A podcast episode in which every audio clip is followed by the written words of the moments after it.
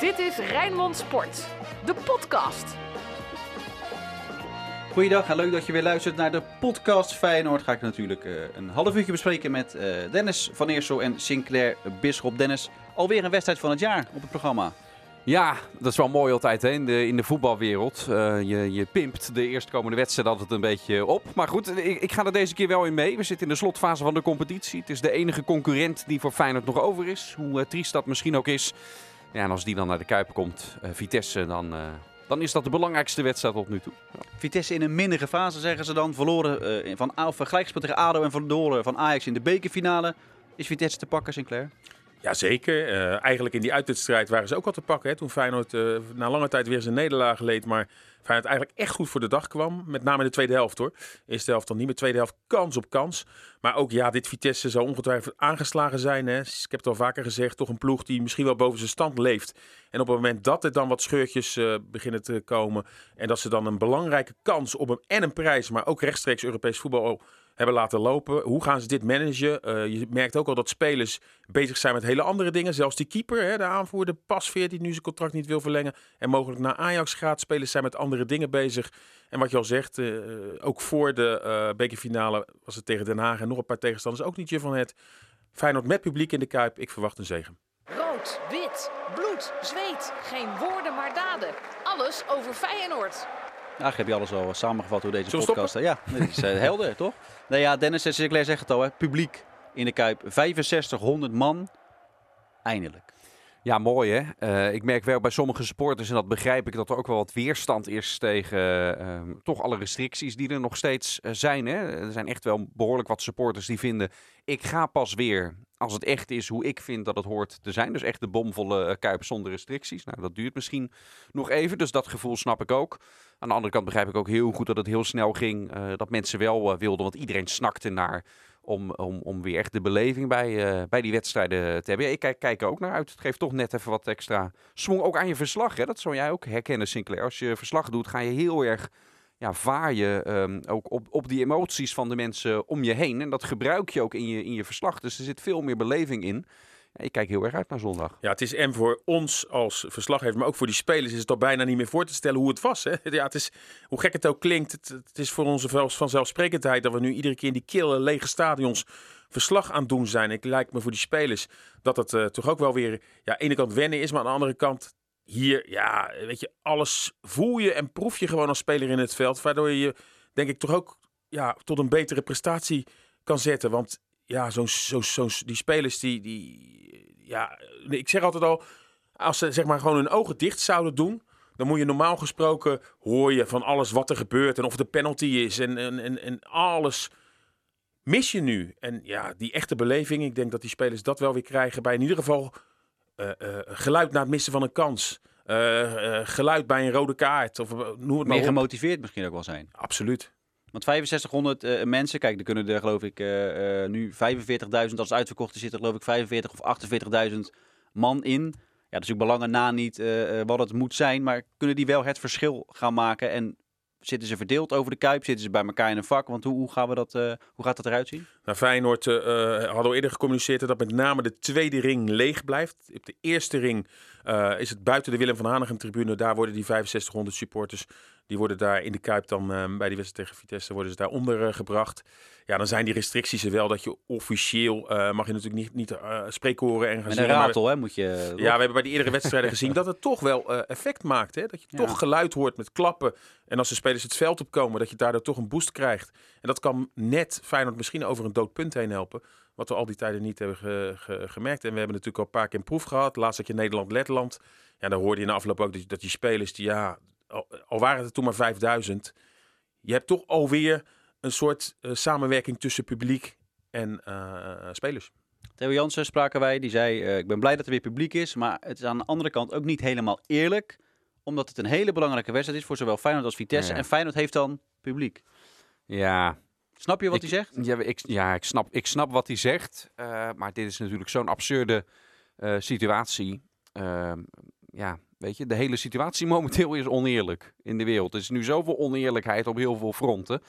Uh, dat je denk ik daar maar eventjes deze keer in dit seizoen doorheen moet, moet, moet kijken. Hij was ook niet heel serieus eh, erin. Hè? Want hij, bij hem overheerst ook wel het gevoel van we moeten sowieso maar blij en dankbaar zijn dat er weer publiek bij, eh, bij kan zijn. Eh, Maar ja, juist deze wedstrijd is meer pech voor Vitesse eigenlijk. Zo moet je het, zo moet je het zien. Ja, natuurlijk is dat pech voor, eh, ehm, eh, voor, voor Vitesse. Een week nadat ze de bekerfinale in hetzelfde stadion speelden, waar dan, waar dan geen enkel publiek bij mocht zijn. Ik snap dat het wrang voelt.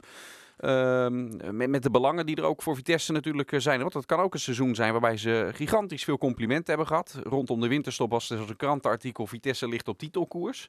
Was het in het Algemeen Dagblad volgens mij eh, dat, Vast dat, eh, dat, dat, eh, dat dat stond. Eh, en het kan een seizoen zijn waarbij ze uiteindelijk misschien in de play-offs komen en dan overal naast eh, grijpen. En als je dan terug gaat denken, ja, waar was de kentering? Wanneer werden we achterhaald door, door Feyenoord? Ja, dat kan komende zondag dan achteraf zijn geweest met dat publiek er dan opeens bij. Maar dat argument wat jij net opwerpt, vind ik alleen gelden als het het hele seizoen, geen enkele wedstrijd, geen publiek was. Maar we hebben ook al andere rondes gehad met ook publiek. Ja, dan zou je kunnen zeggen, dat is nu ook al oneerlijk. Dat bijvoorbeeld eh, eh, Feyenoord eh, ADO, tegen ADO, of, of, of eh, dat, dat daar ook wel publiek al met die was nu wereldgoal van niet. Dus- Senesi. Dus blij dat dat toch mensen hebben kunnen zien. Nee, nee, maar er zijn natuurlijk wel een ronde 4-5 met publiek geweest. Dus ja, dat argument vind ik niet opgaan. En eh, sommige clubs halen juist extra inspiratie eh, met fans. Ik bedoel, Feyenoord heeft dit jaar ook twee keer in Europa zonder publiek, eh, of met publiek moeten spelen Mhm. in Zagreb en in eh, Moskou. En dan kwamen ze ook gewoon goed voor de dag. En vertelden ze na afloop dat ze zich juist misschien daardoor, ondan- al is het vijandelijk publiek, toch ook wat meer kunnen inspireren. Het is nu een test, hè, eenmalig. Jullie moeten je ook allemaal laten testen. Iedereen die daar in de, de Kuip in wil, moet zich Ja. laten testen. Een field lab eh, experiment, eh, eh, kan ik het zo omschrijven. Hoe groot is nou de kans dat bij Feyenoord Ajax op 8 mei of op 7 mei, 9 mei, in ieder geval in dat weekend, dat er ook weer publiek komt? Ja, ik acht die kans op zich toch niet zo groot. Er zijn natuurlijk al de nodige andere Field Lab evenementen die al geschrapt zijn nadat ze aangekondigd waren. Ik denk dat eerst dit geëvalueerd zal worden. Het hangt ook af, denk ik, van hoe, de- hoe de cijfers weer, weer verder gaan. Hè? En, hoe Rutte daar dan weer in en de jongen daar dan weer op, op koersen. Ja, de, de klassieker is al over twee weken. Eh, en de week daarvoor heb je nog de, de Field Lab experiment in de eerste divisie. Dus dat zit wel heel erg kort eh, zit, dat er, eh, zit dat erop. Dus ik, ik verwacht dat eigenlijk niet. Dat er meteen eh Field Lab events worden verlengd in de, in de voetballerij. Ook omdat ehm, er alweer andere evenementen zijn aangekondigd. Field Lab evenementen. En qua testcapaciteit ehm, gaat dat anders ook overlappen. Hè? Want het Songfestival is weer de week, begint de week daarna. Ehm, eh, valt daar ook weer onder eh, met alle testcapaciteit. Dus ik, ik verwacht dat niet zo snel. Nee. En wordt er ook nog nagedacht over bijvoorbeeld kinderen in de, ehm, of zorgpersoneel die dan eh, allemaal ingeënt zijn? eh, Nee, kinderen die niet- besmettelijk eh, zijn, die dan eh naar, dat, naar die wedstrijd kunnen, of wordt daar helemaal niet over Nee, daar wordt totaal niet over nagedacht. Jammer. En de eerste volgende keer dat Rutte straks met een persconferentie weer komt, heeft hij ook al aangegeven. Ja, dan, dan zijn de meeste wedstrijden ook al gespeeld. Dus ik verwacht niet meer dat er na deze ronde eh, wedstrijden zijn met Feyenoord, met publiek. En, en, en we gaan natuurlijk ook wie nu versoepelen na 28 april, waardoor de cijfers ongetwijfeld of hetzelfde blijven of omhoog. Je zou niet echt kunnen denken dat het gelijk weer heel erg omlaag gaat. Dus eh, ik denk dat het wel heel eh, goed en realistisch beter zou zijn om, om je te focussen op het volgende seizoen, naar aanleiding van deze testen, dat we dan misschien weer met volle stadions of, of bijna volle stadions kunnen spelen. En dat we het EK met halve stadions kunnen spelen. Ik denk dat dat realistischer is dan de resterende du- duels nog met publiek zien. Goed, even over het sportieve eh, gezien. Gaan we even terug naar die wedstrijd in Arnhem. Eh, de eerste wedstrijd die advocaat verloor als trainer van Feyenoord in de competitie. Hè? Want in Europa had hij natuurlijk wel eh, eh, verloren al. Toen speelde Feyenoord eigenlijk helemaal niet zo, eh, niet zo slecht, eh, Dennis. Nee, Feyenoord begon eh, niet zo goed aan die wedstrijd. De eerste helft was niet goed. Ehm, wel een paar keer gevaar uit standaard situaties. Ik kan me nog een vrije trap herinneren van Diemers die op het hoofd van Bottegien legde. Feyenoord begon toen met, eh, met vijf man achterin, twee aanval. Eigenlijk wat we bij Utrecht ook, eh, ook zagen. En Feyenoord kwam toen achter op een, eh, op een gegeven moment in de eerste helft. En na rust werden er wat dingen omgezet. Ging Feyenoord toch aanvallender staan. En toen kwamen al die kansen. Toen kwam het verhaal waarop werd, werd gezegd van ja, Feyenoord kwam eigenlijk wel goed voor de dag. Maar dat was met een andere tactiek dan hoe ze aanvankelijk aan die wedstrijd begonnen. Dus ik ben benieuwd of, of dat nog ervoor zorgt komende zondag dat het begin van Feyenoord en de starttactiek, toch eigen wedstrijd met publiek, ja, dat dat anders gaat zijn dan die wedstrijd in Arnhem. Met een hele sterke Jurgensen toen, die toen eindelijk weer fit Ja, was. Met klopt. Sinistera, die toen eigenlijk weer terug was, maar een halfje maar kon spelen. En met name in de tweede helft maakte hij het verschil. Bal op de lat nog met een, eh, met een kopbal. Ehm, ja, wat, wat dat betreft... En zonder eh, Berghuis. en zonder Berghuis, die was, was, die wedstrijd geblesseerd eh, toen, hè? geblesseerd. Maar Feyenoord verloor toen wel voor het eerst. Dus hij zal zeggen, het een zal met het ander te maken kunnen hebben. Nee, maar feit is wel dat Feyenoord natuurlijk heel vaak eh, eh, heeft moeten repareren. Dat gebeurde natuurlijk de laatste wedstrijd in Utrecht ook weer. Hè? Achterkomen, Ook in Vitesse en ook bij Ajax. Dan wordt er wat omgezet, dan gaat het lopen. Ja, en soms is het kalf dan al uh, verdronken. De, tweede, of de eerste keeper, moet ik zeggen, uh, van uh, Vitesse had ik wel graag bij, bij Feyenoord als tweede keeper gezien volgend jaar. Maar die is nu in gesprek met Ajax. Is dat jammer? Heeft Feyenoord te laat gehandeld? Of wat vinden jullie daarvan? Nou, wel jammer, want ik vind het een goede keeper. En als hij zich kan schikken in een, in een, in een rol als achtervang van, van Bijlo... weten dat je misschien ook nog een kans hebt om daadwerkelijk speelminuten te krijgen... Ja, had ik dat niet heel gek van. Hij is wel echt al op leeftijd. 37 jaar. Ja. Maar ik denk ook dat hij wel uh, meer wil dan alleen maar tweede keeper uh, zijn in de Kuip. Dat hij, als je nu eerste keeper bij Vitesse, dat mogelijk boven Feyenoord gaat eindigen. Ja, dan is het nou niet echt ambitieus in je laatste jaar eventueel uh, bij Feyenoord tweede keeper te gaan worden. Maar hij lijkt nu tweede keeper van Ajax. Nou ja, eerste keeper misschien ja, wel Onana met, met het verhaal ja. rond Onana. En het feit dat ja, bij Ajax betalen ze natuurlijk zodanige salarissen dat dat tussen aanhalingstekens een beetje gelijk staat. Als dat hij nog in de zandbak geld zou ophalen. Ik denk dat je dan uh, uh, je wat eerder uh, schikt in een rol als tweede doelman met misschien nog Champions League. En dan dat je dat bij Feyenoord doet waar geen geld is. En waar, waar Feyenoord het eigenlijk moet hebben van een goedkope backup voor keeper, keeper Bijlo. Ja, want wel zaak dat er een goede backup voor komt. Want Ja. we hebben Bijlo al vier seizoenen maken we mee. En hij is niet eh, zo stabiel dat hij eh, over een hele lange periode fit is. Nee, wat dat betreft heeft Feyenoord natuurlijk jaren een, eh, een luxe positie ook, eh, ook gehad. Als je kijkt dat Feyenoord vaak eh, op de bank had zitten als, als tweede doelman. Dat is jarenlang, eh, heb je het met Jones en, en Vermeer gehad. Dat je gewoon echt twee eerste keepers eigenlijk eh, erbij zitten. Hè? Nou, Marsman heeft zich laten zien eh, toen hij de kans kreeg. eh, ook gewoon eerste doelman ergens te kunnen zijn. Eh, logisch ook dat die jongen dan ergens anders eh, heen gaat. Ja, zie dat maar weer eh, voor elkaar eh, te krijgen. Het is eh, de, de opdracht voor Arnes om dat, eh, om dat te doen. Hebben jullie zo namen die, eh, die je te binnen schiet van ah, die moet Feyenoord halen? Nou, er zijn natuurlijk wel wat transfervrije keepers. Hè. Vermeer, Haan. Maar ja, ik denk dat je dit niet moet zoeken. Eh, kijk, Vermeer eh, ook al op leeftijd. Maar ja, zo zijn er altijd namen geweest. En, en, en er zijn best wel vaak keepers transfervrij. die eigenlijk de ambitie niet meer hebben om per se eerste doelman te worden. Dus dat gaat wel goed komen. En eh, ik, ik heb heel veel vertrouwen in Galit Ben Lassen. Eh, en, en dat is altijd gelukt. Hè. Welke keepers Feyenoord de laatste jaren nou haalde als tweede en derde. Daar stonden meestal altijd wel jongens die er gelijk direct inzetbaar waren. En dat hadden we eigenlijk ook niet verwacht met Marsman, hè, dat hij het zo goed zou doen. Dus Jones ja, fa- natuurlijk ook niet toen, eh, toen de nee, tijd. en Jones ook niet. Die gewoon zelfs eerste keeper werd toen Vermeer weer helemaal fit werd. Eigenlijk met Haan ook. We hadden ook nog die Zweedse keeper die toch nog redelijk heeft gedaan. Dellen moesten staan. En daar dachten we ook van, eh, nou dat was een ballenvanger bij nek en die deed het goed. Dus nee, wat dat betreft heb ik er wel vertrouwen in dat dat goed gaat komen. En je moet wel gewoon eerlijk zijn.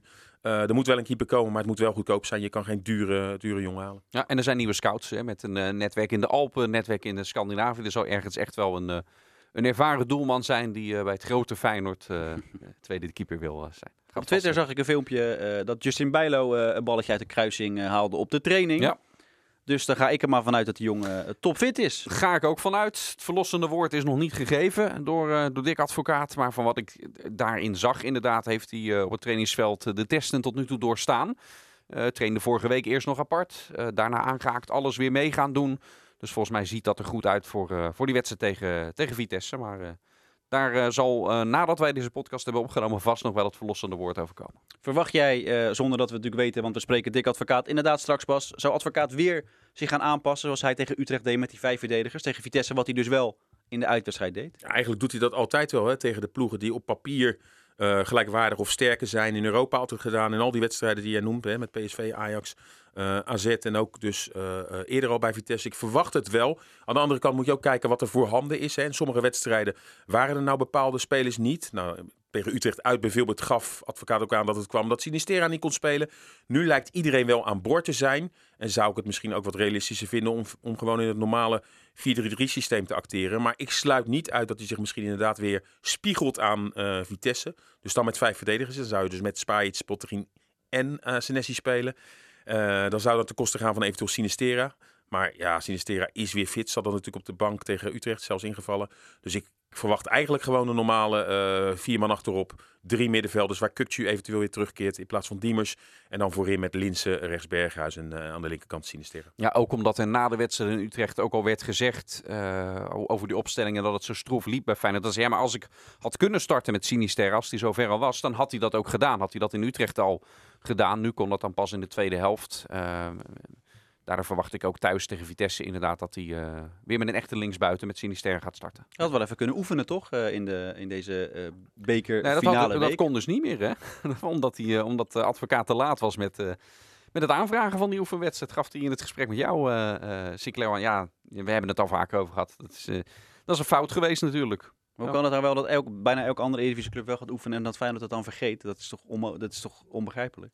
Zeker in deze fase. Ja, en de advocaat trekt het, dan, eh, trekt het dan naar zich toe. Inderdaad, hij is de hoofdtrainer.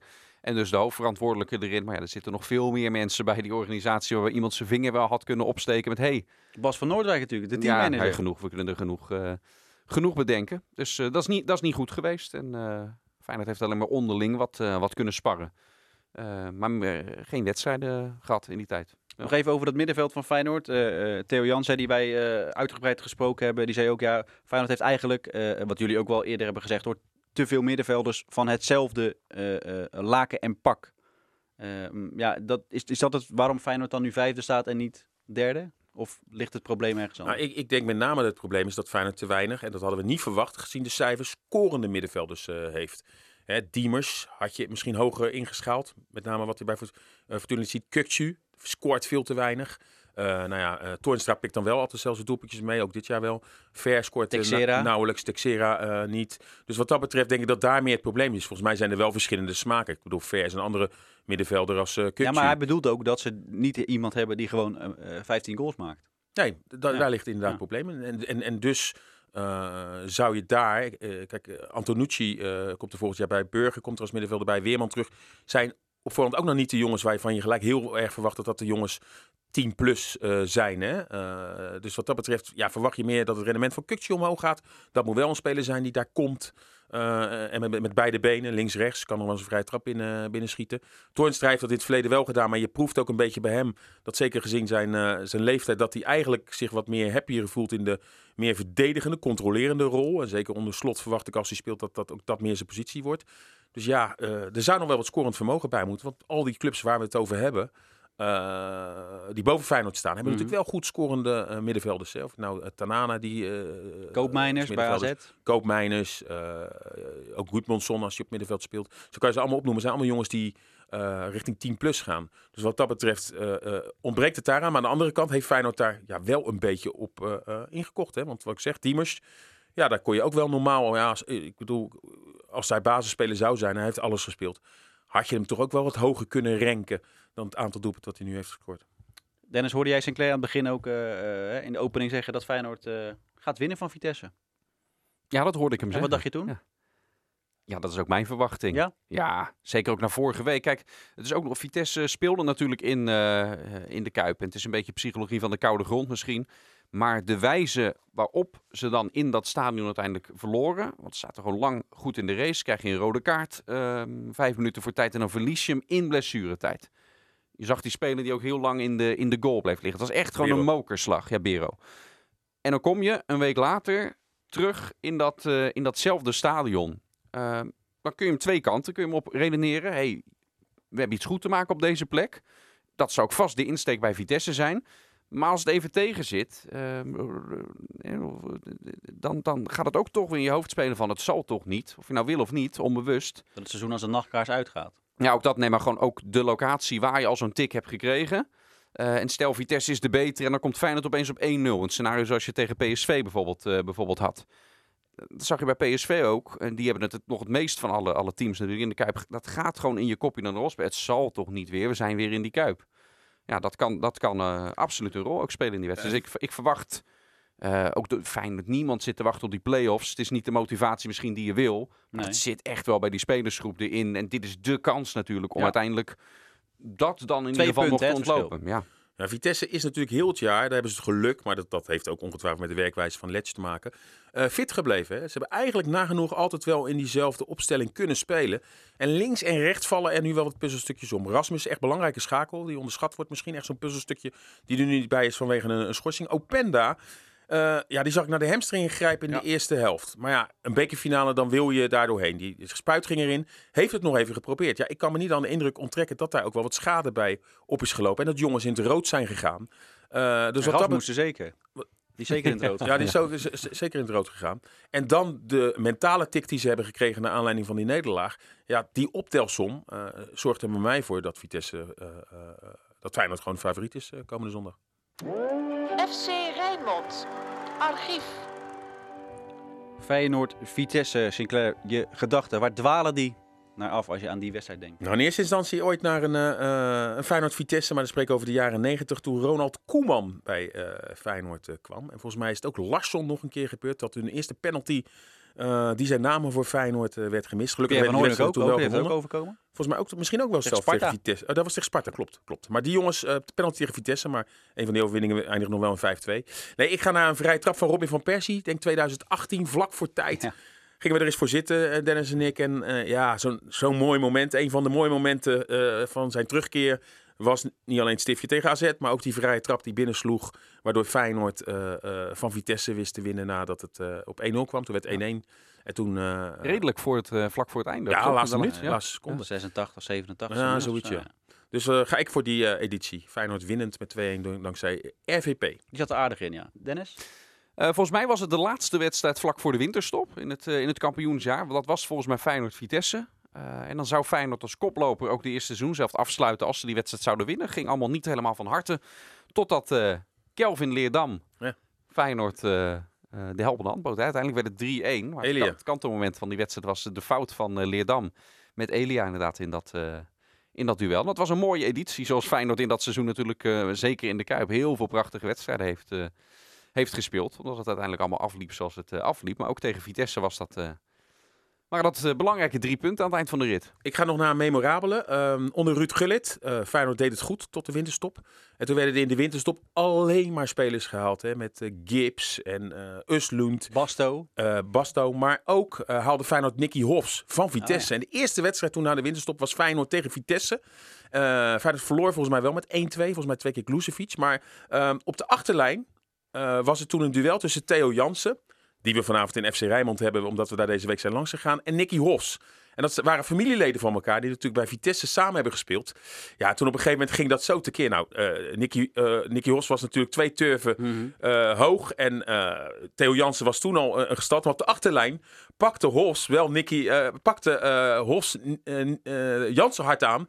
En toen pakte Jansen ook Hofs. Maar ja, heel het publiek stond er natuurlijk in die hoek. Toen dacht Jansen, nou, het is misschien niet zo slim om te doen. Die liet hem maar even los. Maar dat was wel heel mooi om te zien. Dat gif tussen twee familieleden. En na afloop stonden wij, toen konden we nog in de eh spelerstunnel. En toen gaven ze elkaar weer, alweer een, een knuffel. Maar dat was echt pittig en giftig om te zien. Het, de entree eigenlijk van Nicky Hofs bij Feyenoord. Tegen een familielid. En tegen Theo Jansen. Toch toen al het boegbeeld van Vitesse. Om dat te zien op die achterlijn. Werken nu allebei bij Vitesse in de jeugd en zijn gewoon nog hartstikke goede vrienden. En eh, nee, dat, dat, zit allemaal, eh, dat zit allemaal wel goed. Ik denk bij Feyenoord Vitesse wel eens aan eh, het enige goede moment van Anthony Leurling in zijn hele loopbaan bij Feyenoord. Oh ja, Schoot ook in de laatste minuut. eh ja schoot de hem 2-1 niet eens- denk ik. De 2-1 schoot hij hem gewoon stijf in de kruising. Ja. Jij doet Anthony Lulling wel wat tekort. Laatste Champions League doelpunt voor deze campagne die we laatst hadden. Was altijd nog altijd van Anthony Lulling. In de Champions League gescoord. Kunnen we niet veel zeggen. Weer, dat is toch niet de laatste doelpunt eh, Voor van... die laatste campagne die Oh, Feyenoord had. Toen heeft hij 15 jaar lang... Ja, weet je, die statistiek Oh, gingen we toen Feyenoord de Champions League weer inging. Gingen we ik heb Feyenoord in de eh, Champions League wel gezien? En toen, toen werd het eerst, eh, eerst Amrabat bij uh, Napoli. Want de eerste paar wedstrijden scoorde Feyenoord ook, ook Ja. niet. Dus hij bleef maar in de, in de boeken Oh, ja. staan. Ja, was die pot tegen Newcastle. was een geweldige... de- dat is de mooiste Feyenoord-wedstrijd die ik ooit heb gezien. Die Feyenoord niet won. Was Feyenoord tegen Newcastle. Daar zat, Met alle- Greg daar- ja, daar zat alles Met op en aan. Feyenoord, eh, ehm, Feyenoord kon toen zelfs nog door in de, in de Champions League. Uiteindelijk werd het helemaal niets. Hè, want het werd, eh, het werd 0-2. Maar Feyenoord knokte zich terug. 2-3. Eh, ja, het werd eerst 0-2. Ja, ja. En toen knokte Feyenoord zich, zich terug. Feyenoord leek al dood en, eh, en begraven. Bombarda scoorde. Leurling. Ik weet de volgende Zo. niet meer. Leurling, Ja, was de 2-2. En toen ging Feyenoord de volle bak voor. Een Bosveld schoot nog net naast. En toen eh, echt, eh, echt tegen het einde van de wedstrijd was daar Bellamy. Die toen ook de belofte deed. Die vond de sfeer in het stadion was ook zo Ja. groot. Die avond was echt zo tof. En die was daar ook helemaal van onder de indruk. Die wilde ooit, eh, ooit zou die wel bij Feyenoord willen en komen spelen. Dat is, dat is er nooit van heeft hij gekomen. ongeveer 80 keer gezegd. Hè? Dat heeft hij nog een keer gezegd in de heeft- afscheidswedstrijd ja, bij Dirk Bellamy heeft Kuyt. Heeft gezegd. hij nog tegen jou ook nog gezegd dat hij, Ja. dat hij Feyenoord zo fantastisch vond. Maar we hebben hem, we hebben hem nooit gezien. Tot slot, eh, eh, ehm, ja, ik heb zo eigenlijk willen zeggen, geniet zondag met publiek van de wedstrijd. Jullie moeten wel nog, er zijn niet, jullie kunnen niet zomaar nu de Kuip binnenlopen wat jullie eigenlijk de Nee, nee, nee. Het is een, eh, een, een Field Lab evenement. Dus iedereen die in het stadion eh, is, eh, moet, eh, Zelfs de field- politiehond, hè? Zelfs de politiehonden moeten de Field Lab eh, testen. Die moeten ze een tuitje blazen. En dan moet je de Field, eh, field Lab test ondergaan. Maar ja, hoort erbij. Ja.